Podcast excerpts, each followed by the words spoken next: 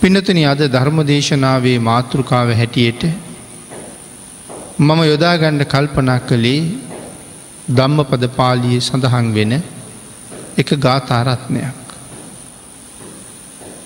ගබ්බ මේකේ උපජ්ජන්ති නිරයර පාපකම්මිනෝ සක්ගං සුගතිනෝ යන්ති පරිනිබ්බන්තිය අනාසම. මේ ගාථාරත්නය අපේ බුදුරජාණන් වහන්සේ දේශනා කොට වදාලේ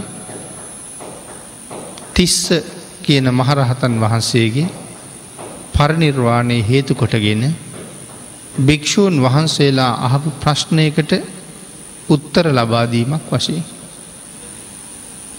අපේ බුදුරජාණන් වහන්සේ ජීවමානුව වැඩහිටපු කාලි.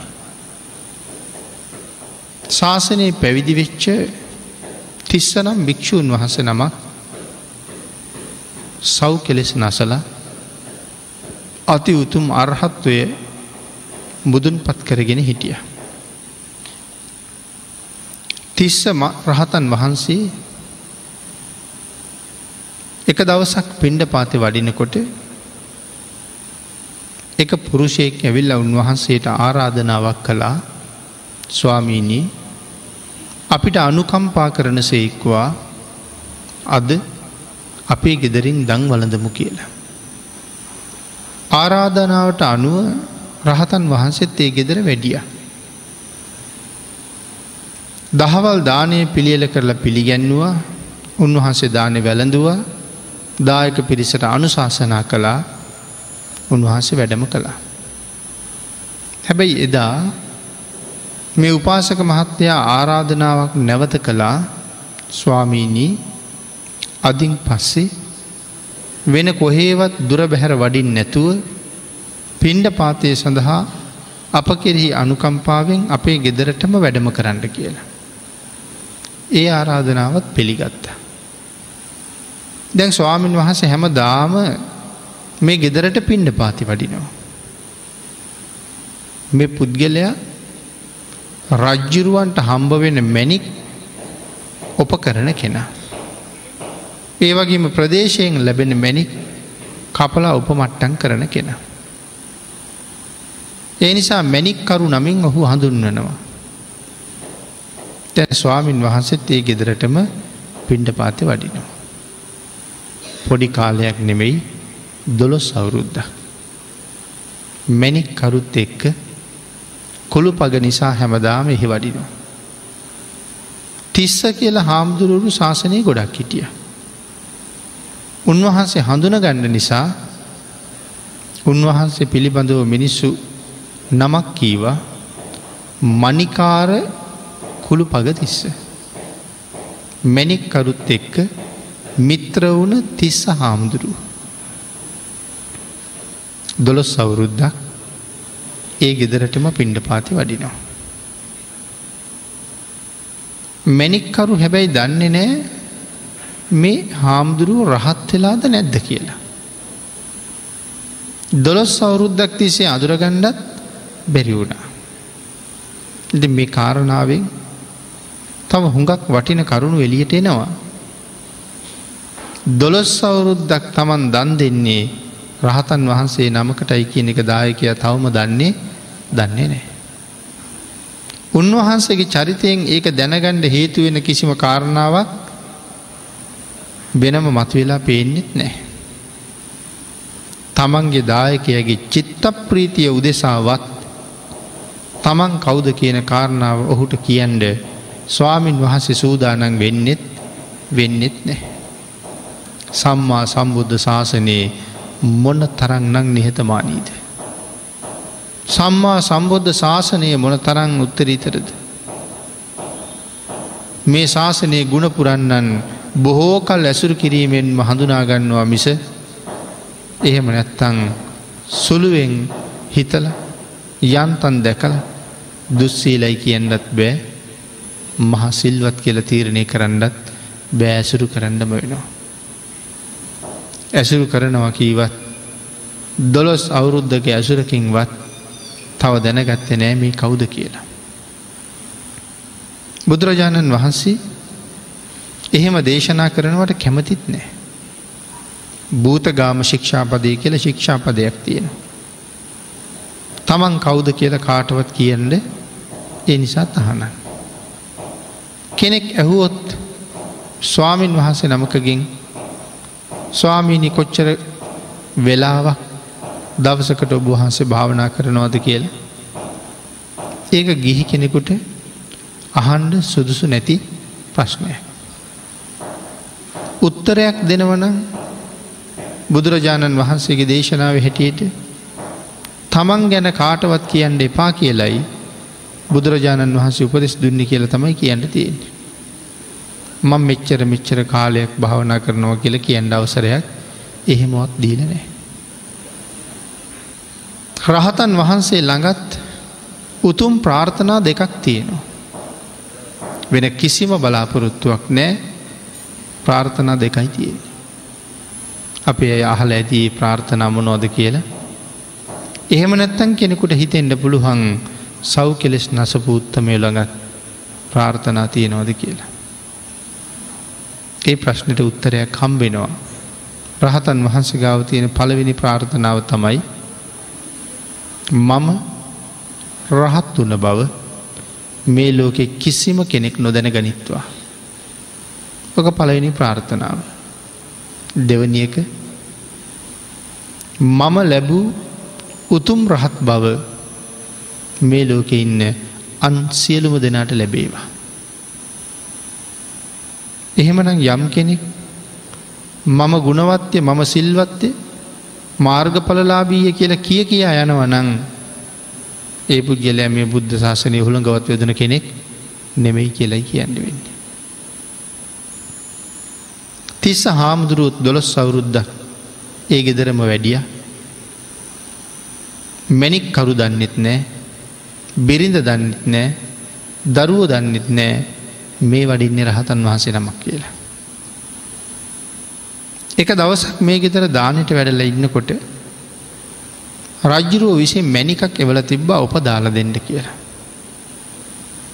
මැනික්කරු මේ වෙලාවේ මස් ගෙනල්ල මස් කපනෝ දානට උයන්ඩ කියලා. ඉතින් එයා ඒ කාර්යය යෙදිල හිටපු නිසා මැනික් ගලත් එහෙම්ම මරගෙන ස්වාමීන් වහන්සේ වැඩ හිටපු තැන ආසනයක් උඩින් තිබ්බා. අතේ තිබිච්ච ලේ ආදියත් මෙ මැනික් ගලේ තැවරුණා. මස්ටික කපල හෝදලා බිරිඳට දීලා ආපහු මැනික් ගල අරන්තියන්න කියලා එනකොට මැනික් ගල තිබුණේ නෑ. මැනික් ගලට වෙච්ච දෙයකුත් නෑ. බිරිඳකින් දරුවන්ගෙන් ඇහු අරන්තිබ්බද කියලා එහෙම වෙලත් නෑ. පිටස්තර කවුරුවත් ආවිත් නෑ. ඉස්සරහ හිටිය ස්වාමීන් වහස විතරයි. මැනික් ගල තිබ්බෙත් එතනයි. වෙච්ච දෙයක් උන්වහස දැනගණ්ඩ ඕනේ. තැන්ඉතින් බොහොම කලබල වෙලා රජ්ජුරුවන්ගේ මැනික බිරිඳ ගාවට ගිහිල් ඇහු හමත් ගත්ත නෑකිව දරුව ගාවට ගිහිල් ඇහු හමත් ගත්ත නෑකිව එහෙනම් ස්වාමීන් වහන්සගේ අහමු කියල අන්ඩ හදනකොට බිරිඳ කිවයි පා උන්වහන්සගෙන්න්න හන්ඩිපා දොළොස් අවුරුද්දක් තිස්සේ අපේ ගෙදරට වඩිනවා. ඉදිකට්ටක තනකොළ කෙන්දක තරන් දෙයක්වත් අරගෙන නෑ. ඔය මැනික් ගල ගැන හන්ඩිපා ඔය තරන්නම්ම මැනික ඕන නං මැනික නැතිවුණොත් අපි ඔක්කොම මුළු ජීවිත කාලෙම රජ්ජිරුවන්ට බැලම හෙවරකං කරමු ස්වාමීන් වහන්සගෙන්න්න අහන්ඩපා කිවා. ඒ කීවට මේ පුරුෂයයක ඇහුවේ ඇහුවේ නෑ. ගිහිල්ල ඇහුවා. මෙතන තිවිච්ච මැනික ස්වාමීණය ඔබහන්ස දැක්කද. දැක්කා උන්වහස මැනික තියෙනව හොඳටම දැක්කන ස්වාමිනය ඔබහස ගත්තද උන්හස කතා කළේ නෑ. දෙවනි තුන්ගනි පාර ඇහුවත් කතා කළේ නෑ. ඊට පස්සේ මෙයා තීරණය කළා හාමුදුරුවම තමයි මැනික ගත්ති. දෙන්ඩ කීව දෙන්න කිව උන්වහස ගව දෙන්න මැනිකක් නෑ තීරණය කළා හොඳින් බැරිදන් නරකින් හරි මැනික ගණ්ඩෝන කියලා. ගෙට ගිහිල්ල ලනුවක් ගෙනල්ල හාමුදුරුවන්ගේ ඔළුව වටේට ලනුපොටවල් කීපයක් ඔතලා ඒකට තිරිංගයක් දාලා දැම්මය ටික ටික තිරින්ගේ හිර කරනවා. තිරින්ගේ හිරකර කර හිරකර කර මැනික ඉල්ලනවා. වේදනාව ඉව සණ්ඩබේ. නමුත් ඉතින් මැනික ගත්තේ නෑ ද නාස්වලින් කංවලින් කටින් ලෙවැක්කෙර නෝලුව හිරවෙලා. ලෙ ගලාගෙන යන. ලේවල දුර්ගන්ධය හැම තැනම වහනය වෙනවා. පැතිරිලා යනවා. මේ ගෙදර ඉන්නවා පුරොත්තලේට හදාපු කොස් වහලිහිනේ. මේ ලේවල දුර්ගන්ධය නිසා මෙයා එතෙන්ටාවා. ලේබොන්ඩ පටන් ගන්නකොට කේන්ති ගිහිල්ල හිටිය අර මනුස්සයට පයින් ගහපු හම ලිහිනියා මැරිලම වැටුණ. අන්න ඒ වෙලාවේ ස්වාමීන් වහන්සෙත් බිම වැටිලා කතා කරලා කිව්ව පාසක මහත්තය ඔය තිරින්ගේ ටිකක් අතඇරලා අර ලිහිනිය මැරුණද බලන්න කියලා. ඉටස්කෝ මැරුණා ඌ මැරුණ වගේම තෝත් මැරියන් කියල කීවා. ලිහිනියා මැරුණ කියපු නිසා කීවා උපාසක මහත්තය ඔය හොයන මැනික අර ලිහිනියගේ බඩේ තියෙනවා කියලා. ඇයි අරක බංකෝ උඩ තියල තිබ්බ ලිහිනියගේ ඇතුළේ ඇවිදගෙනාව මස්වල දුගඳ දැවුණ ලේත් ගෑවිලා තිබ්බ ගතගම ගිල්ල. ඒක හාමුදුරුවෝ දැක්කා. නමුත් ඉතින් මේ ලිහිනිය මැනික ගිල්ල කියලා කීව එහෙමන අනිවාරය ලිහිනිය මරනවා. ලිහිනියගේ ජීවිතයේ බේරගණ්ඩ තමන් වහන්සේ මේ තරන් කැපකිරීම් කළා. බඩ පල්ල බලහම මැනික තිබුණ මැනික්කරුට දැන් බොහෝම බයයි. සමාව ඉල්ලුවා සමාව දුන්න. ස්වාමීනි සමාවදීල මදි.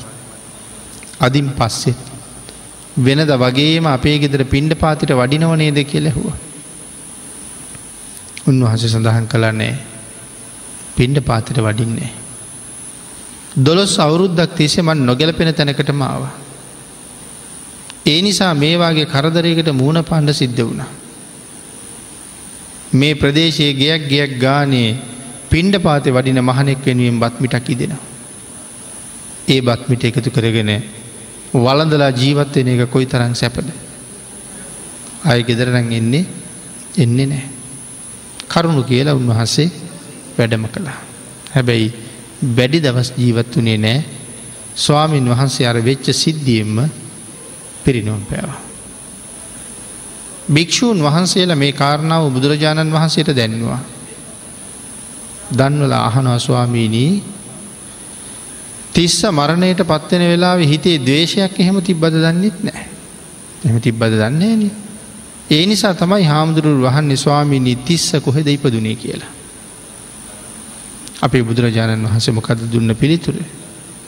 මහනිනී තිස්ස කොහෙවත් ඉපදුන්නේ. තිස්ස සදහටම සංසාරසාගරින් පීනලා යන්ඩම ගිය. භික්‍ෂූන් වහන්සේලා මේ කාරණාව භාගිතුන් වහසේ දේශනා කරහම උන්වහසලට හිතා ගණ්ඩුවත් බැරුව ගිය. එන තිස්ස හාමුදුරුව කියන්නේ රහතන් වහසනම. දොළොස් අවුරුද්දක් තිස්සේ කවුරුවත් ඒ බව හඳුනගත්තනේ. මේ ශාසනය අසිරී. තිස්ස හාමුදුරුව පිරිනුවම් පාප බව දේශනා කරලා අරාපි මුලින් මතක් කරපු ගාතාරත්නය බුදුරජාණන් වහසේ පැහැදිලි කළා. ගබ්බ මේ කිය උපපජ්ජන්ති. මහනෙන මේ ලෝක ඉන්න සමහරය මැරිලා ගැබක උපදිනවා. නිරයම් පාපකම්මිනෝ සමහරයි මැරිලා නිරය උපදිනවා. සක්ගං සුගතිනෝ යන්ති සමහර අය මැරිලා ස්වර්ගගාමී දිවිය ලෝක ගත වෙනවා. පරිනිබ්බන්ති අනාසවා සමහරයි මැරිලා පිරිනිවම් පානවා. මේ ගාථාව මේ විදිහට දේශනා කළා. එමන අපි ඒ ගාථාර්ථයක් ටිකක් විමසමු ගබ්බ මේ කිය උපපජ්ජන්ති සමහර අය මැරිල ගිහිල්ල ගැබක උපදිනවා.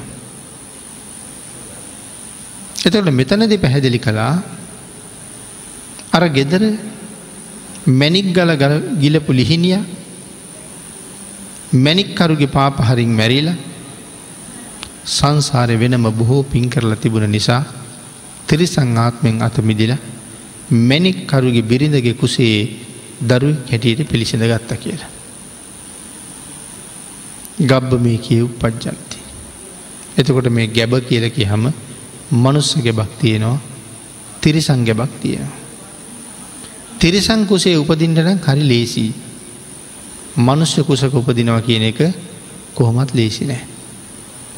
මනුෂ්‍ය කුසකට ඇවිල්ලා කලලයක් හැටියට වර්ධනය වෙලා මිනිහෙක් නිර්මාණය වෙන්ඩ සංසාර කරගත්ත අති සුවිශේෂී පුුණ්‍යස්කන්දයක් අවශ්‍යයි.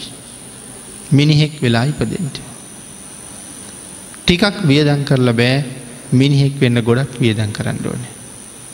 මොනවද වියදන් කරන්න ඕනි පෙර මම රැස් කරලා තියල තියෙන කුසල්. මේ ජීවිතෙන් මම රැස් කරලා තියෙන කුසල් වියදන් කරන්න ඕනෑ මනුස්ස ජීවිතයක් ලබන්ඩන. එතකොට දන්දීල මනුස්ස ජීවිත ලබන්ඩ බැරිද යම් කෙනෙක් එහෙම හිතාගෙන ඉන්නවනං එක මුලාවක්ම විතරයි තමයි කියන්නවෙන්න.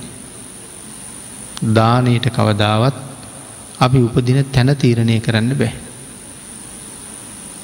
දානයට පුළුවන්කම තියෙන්නේ යම් කිසි තැනක ඉපදුනානං ඉපදුනාට පස්සේ ලැබෙන්නේ මොනවද කියන කාරණාවයි තීරණය කරන්නට. ඒ දේවල් ලැබෙන්ඩ නං උපදින්ඩ ඕනෙක කොහෙද කියන කාරණාව තීරණය කරන්නේ සීලයි.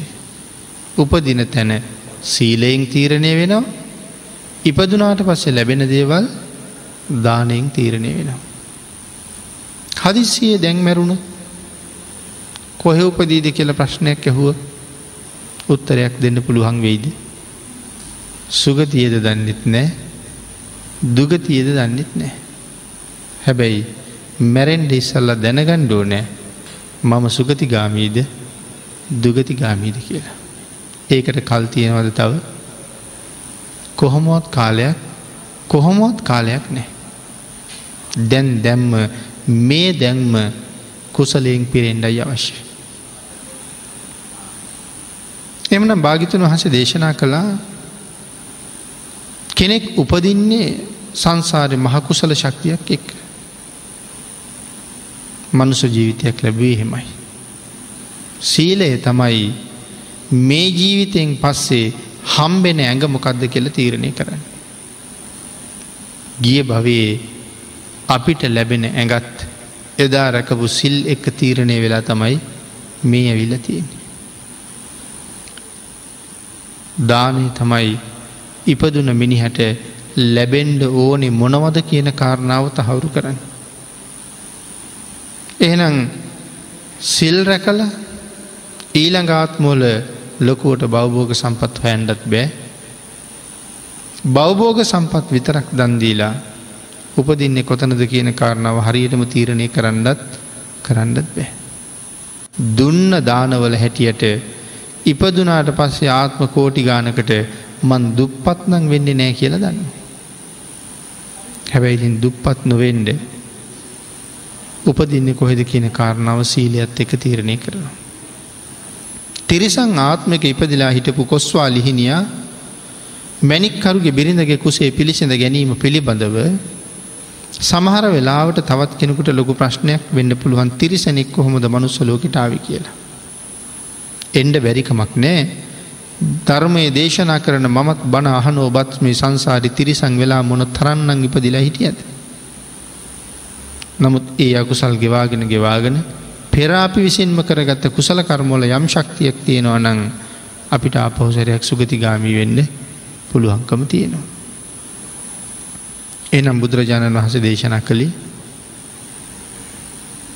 තිස්ස ස්වාමීන් වහස පිරිනිවම් පෑවා. ආය මේ කාමබෝගි ලෝකෙ උන්වහන්සේ ස්පර්ශ කරන්න හිටිය නෑ. නමුත් පින්නතුනී කොස්වා ලිහිනියා ගැබේ ඉපදුනා නිරයන් පාපකම්බින. රහතන් වහන්සේ නමක් පිරිනිවන් පාන තැනට පත්කරපු මැනික්කරු මැරිච්ච ගමන් අවීචියම ඉපදුනා. සක්ගං සුගතිනෝ යන්ති. තව කෙනෙක් ස්වර්ගය උපදිනවා. කෞදතකොට ස්වර්ගය ඉපදුනා කියල කියන්නේ. මැනික්කරුගේ බිරිඳ මැරිල ගිහිල්ල පස්සෙ කාලි දිවියලෝක ඉපදෙනවා දොළොස් අවුරුද්දක් රහතන් වහන්සේ නමකට දන්දීපු පිනට. පරිනිබ්බන්ති අනාසවා මහරහතන් වහන්සේලා පිරිනිවන් පාවධාරනවා.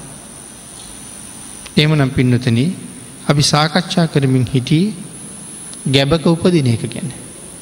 මනුෂ්‍ය ගැබක උපදින්න නං තිසරණ සහිත පන්සිල් තියෙන් ඕන කියන කාරණාව තරයේ මතක තියාගත්තත් හොඳයි. අද පන්සිල් නැති වුණාට හෙට පන්සිල් ගන්නවන කියලා කල්පනා කර කර ඉන්නකොට අද මැරුණොත් එහෙම හෙට සිල්ගණ්ඩ කාලයක් ඉතුරු වෙන්නේ ඉතුරු වෙන්නේ නෑ. අද කළ යුතු දේවල් අදම කරණ්ඩුවනේ. අජ්ජේව කිච්චං ආතප්පං කෝජඥා මරණංසුයි. නහිනෝ සංගනං තේන මහාසේනේන මච්චුන. අජ්ජේව කිච්චං ආතප්පං. අද කළ යුතු කාර්ය අදම කරන්නට.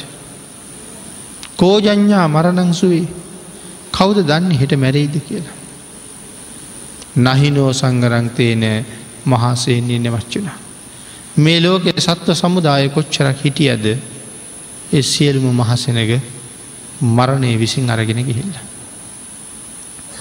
ඒ නිසා හෙටට අනිද්දට පින් කරන්න කල්දාණ්ඩ කාලයක් ඇත්තෙම නෑ අදම දැම්ම මේ මොහොතෙම බොහෝ කුසල් ජීවිතයට එකතු කරගන්න එක තම තමන්ගේ වගකීමයි. අත්තානං වේ පියන් ජඥා රක්කෙයා නං සුරක්කිතං තින්න මං්්‍ය තරංයා මම් පටිජක්ගෙය පණ්ඩිතු. යමෙක් තමන්ගේ ආත්මයට ආදරීන්න. යමක් තමන්ගේ සංසාරි කෙටි කරගන්න කැමතින. ඒ පුද්ගල හැමකක්ද කරන්න ඕනේ. වහ වහා කුසල්ම රැස් කරගන්න ඕනේ. දුගතියෙන් අතමි දෙන්න මුත්සාහ කරන්න ඕනේ. තමන්ට ප්‍රියයිනං ඊළඟ ඊළඟ ඊළඟ උපදින භවවල ම මෙන්න මෙහෙමයි උපදින්ඩ ඕනි කියලා එහෙම උපදින්ට කටයුතු කරගණ්ඩ පුළුවන්. ශ්‍රේෂ්ඨ මනුස්ස ජීවිතයක් කියල කියන්නේ අනාගතයේ උපදිනාත්ම කෝටි ගානක් සැලසුම් කරන්න මෙහෙදි හම්බ වෙච්ච එකම නවාතන. මෙතනදි තමයි ඔය සැලස්ම හදන්ඩ පුළුව. සැලස්මකට වැඩකරපු හැම කෙනෙක්ම දිනනවා. ඉබාගාත ගියපු හැම කෙනෙක්ම කොයි වැඩේ ගාවත් පරදිනවා.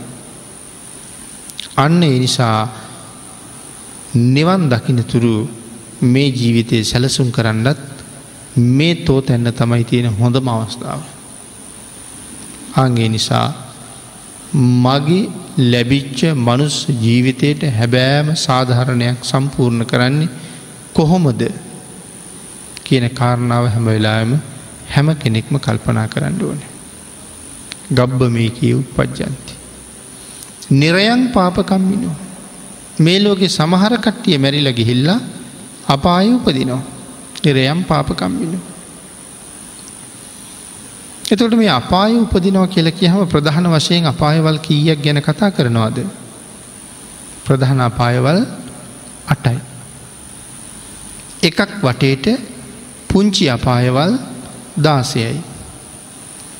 එතට මහයව්වා අටයි අට වටේටම පොඩිපොඩියව්වා දාසයක් තියෙනවා. එනම් බුලු නිරේ මට්ටම කොච්චරයි කියල සඳහන් කරනවාද මුළු නිරේ මට්ටම ගැන සඳහන් කරනකොට සඳහන් කරන්නේ මහ නිරේවල් අටයි පොඩි නිරේවල් එකසිය විසි අටයි ඔක්කොම නිරේවල් ගාන එකසිය තිස්හයි. පොඩි නිරේවල්ලෝට කෙන උසුපත් නිරයන් කියලා. අවුරුදු හැට දාහ අසූදාහ එහෙම තමයි ආවශ්‍යතියෙන්. නමුත් මහනිරේකට ගියොත් කොච්චර ආවශ්‍ය වැඩිවීද. මහනිරේක ආවශ්‍ය අපිට හිතාගණ්ඩවත් හිතාගණ්ඩවත් බැරුවෙන. පල්ල හැම දිව්‍ය තලයේ තියෙන ආවශ්‍ය ප්‍රමාණය අවුරුදු ලක්ෂානුවයි. පල්ල හැම දෙවියන්ගේ ආවශ්‍ය. මේ ලක්ෂානුව පල් හැම අපායට එක දවසයි. ලක්ෂානුවේ වතුන්සේ හැටක් අවුරුද්දයි එවන් අවුරුදු පන්සීයක් කියන්නේ බිලියන එක්දස් හයිසිය විස්ස අවශ්‍යතියනවා. එහෙමනං නිරේ වැටුණු මෙන්න මෙච්චරක් දුක්වලින් සීමා වෙනවා කියල සීමාවක් නම් නෑ ඒ ඒ පුද්ගලයාගේ කරුමේ කරුමයි හැටියට ඒක වෙනස් වෙනවා.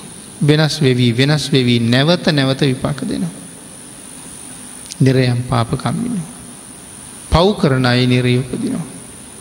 සක්ගං සුගතිනෝ යන්ති. බොහෝ පින්කරගත් අය ස්වර්ගයේ උපතිනවා. බොහෝ පින්කරගත් අය ස්වර්ගයේ උපදිනවා කියල කීවී. දිවිය ලෝක යන්ඩ කැමැත්තක් තියෙනවා නං මොනවද අපි කරන්න ඕනේ. අනිවාර්යෙන්ම සිල් තියෙන්ඩ ඕනේ. මනාව කෙනෙක් සිල් ආරක්ෂා කරගෙන ඒ සීලයේ පෝෂණය කරලා කටයුතු කරනවා. සිල් ආරක්ෂා කරනවා කියල කිය හම නිරන්තරයෙන් සිල් සමාදන් වෙන්ඩ අපිට පෝයවල් හතරක් මාසෙට තියෙනවා. හැබැයි සැදැහවතුන් හැමෝම හතර පෝයටම සිල් ගන්නවද එහෙමත් නෑ.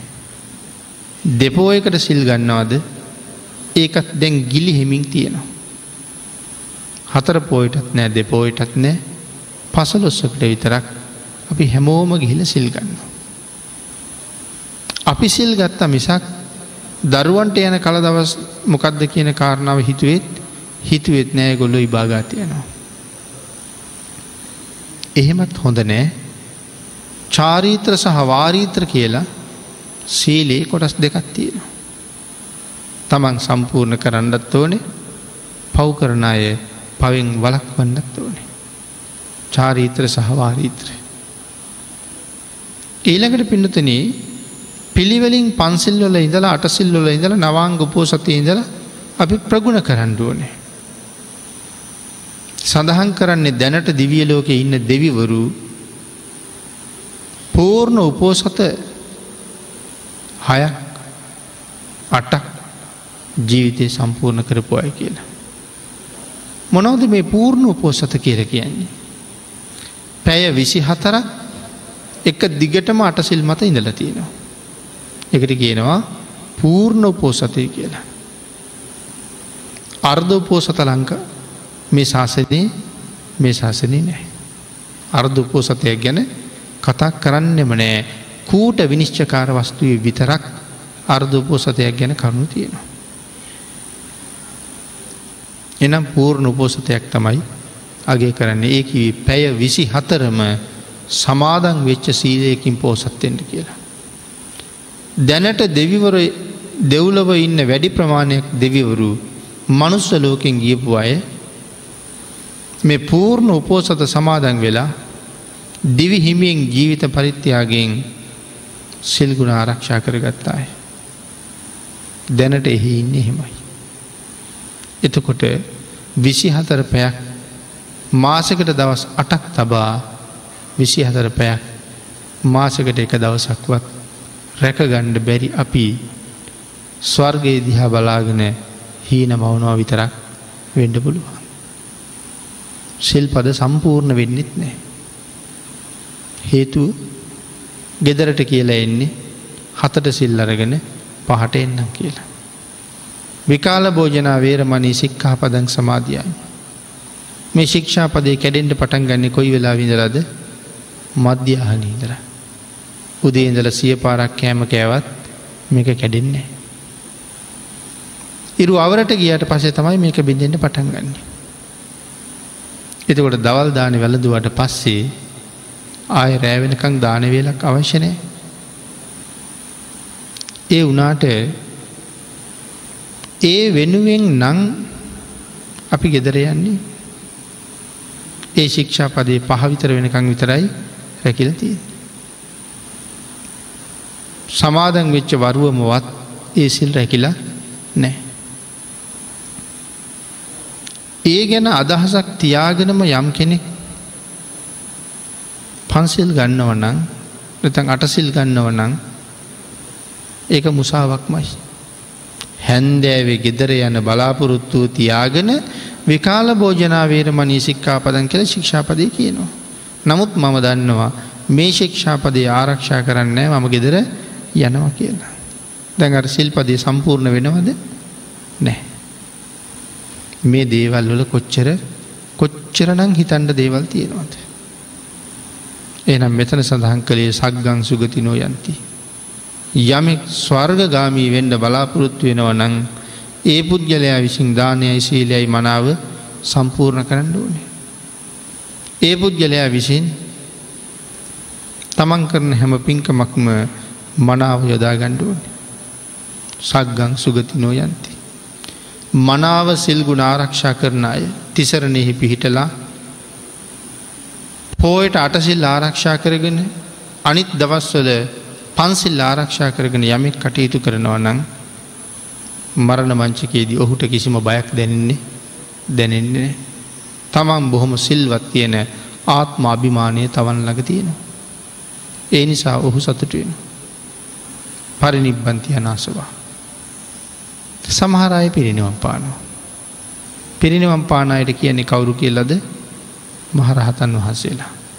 එමටතන් රහතන් වහන්සේල කියලා. මේ පිරිනිවම් පාන උත්තමයන් වහන්සේලා පිරිනිවම් පාන තැනට එනකං ආවේ සංසාරි කොයි තරන්නම් කැපකිරීම් කරලද. සමහරය කෙස් බානකොටම රහත් වුණා සමහරය තච්ච පංචකේදි රහත් වුණා සමහරය මහන වෙලා මාස ගනන් වීරය වඩල රහත් වුණා මේ මේ ආදි වශයෙන් එක කෙනා රහත් වෙච්ච ක්‍රම වෙනස් වෙනස් විදිහට ධර්මය සඳහන් කරලා තියෙනවා.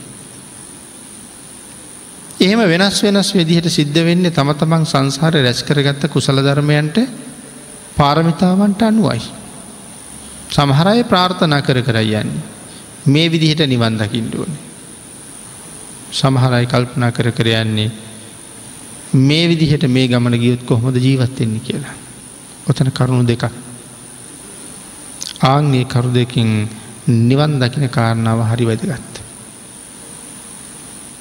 නිවන කියල කියන්නේ මේ ලෝකෙ තියෙන උතුම්ම සැපයයි.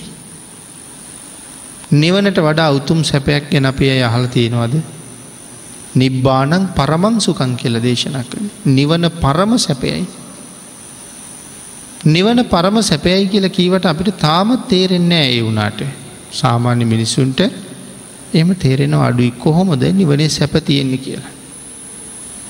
මනුස්ස ලෝකයේ ඉන්න සැපයෙන් උසස්ම කෙනා පංචකාමයෙන් උසස්ම දේවල් මනුලෝ බුක්ති විඳින්නේ සක්විති රජ්ජුරු. හැබැයි සක්විති රජවරු නිවන් දැකීම උදෙසා ගිහි ගෙදරින් නික්මිලා බණ භාවනා කටයුතුවලේ දෙන. ඒ කියන්නේ සක්විති රජ සැපතට වඩා නිවන හුඟක් සැපවත්හින්ද.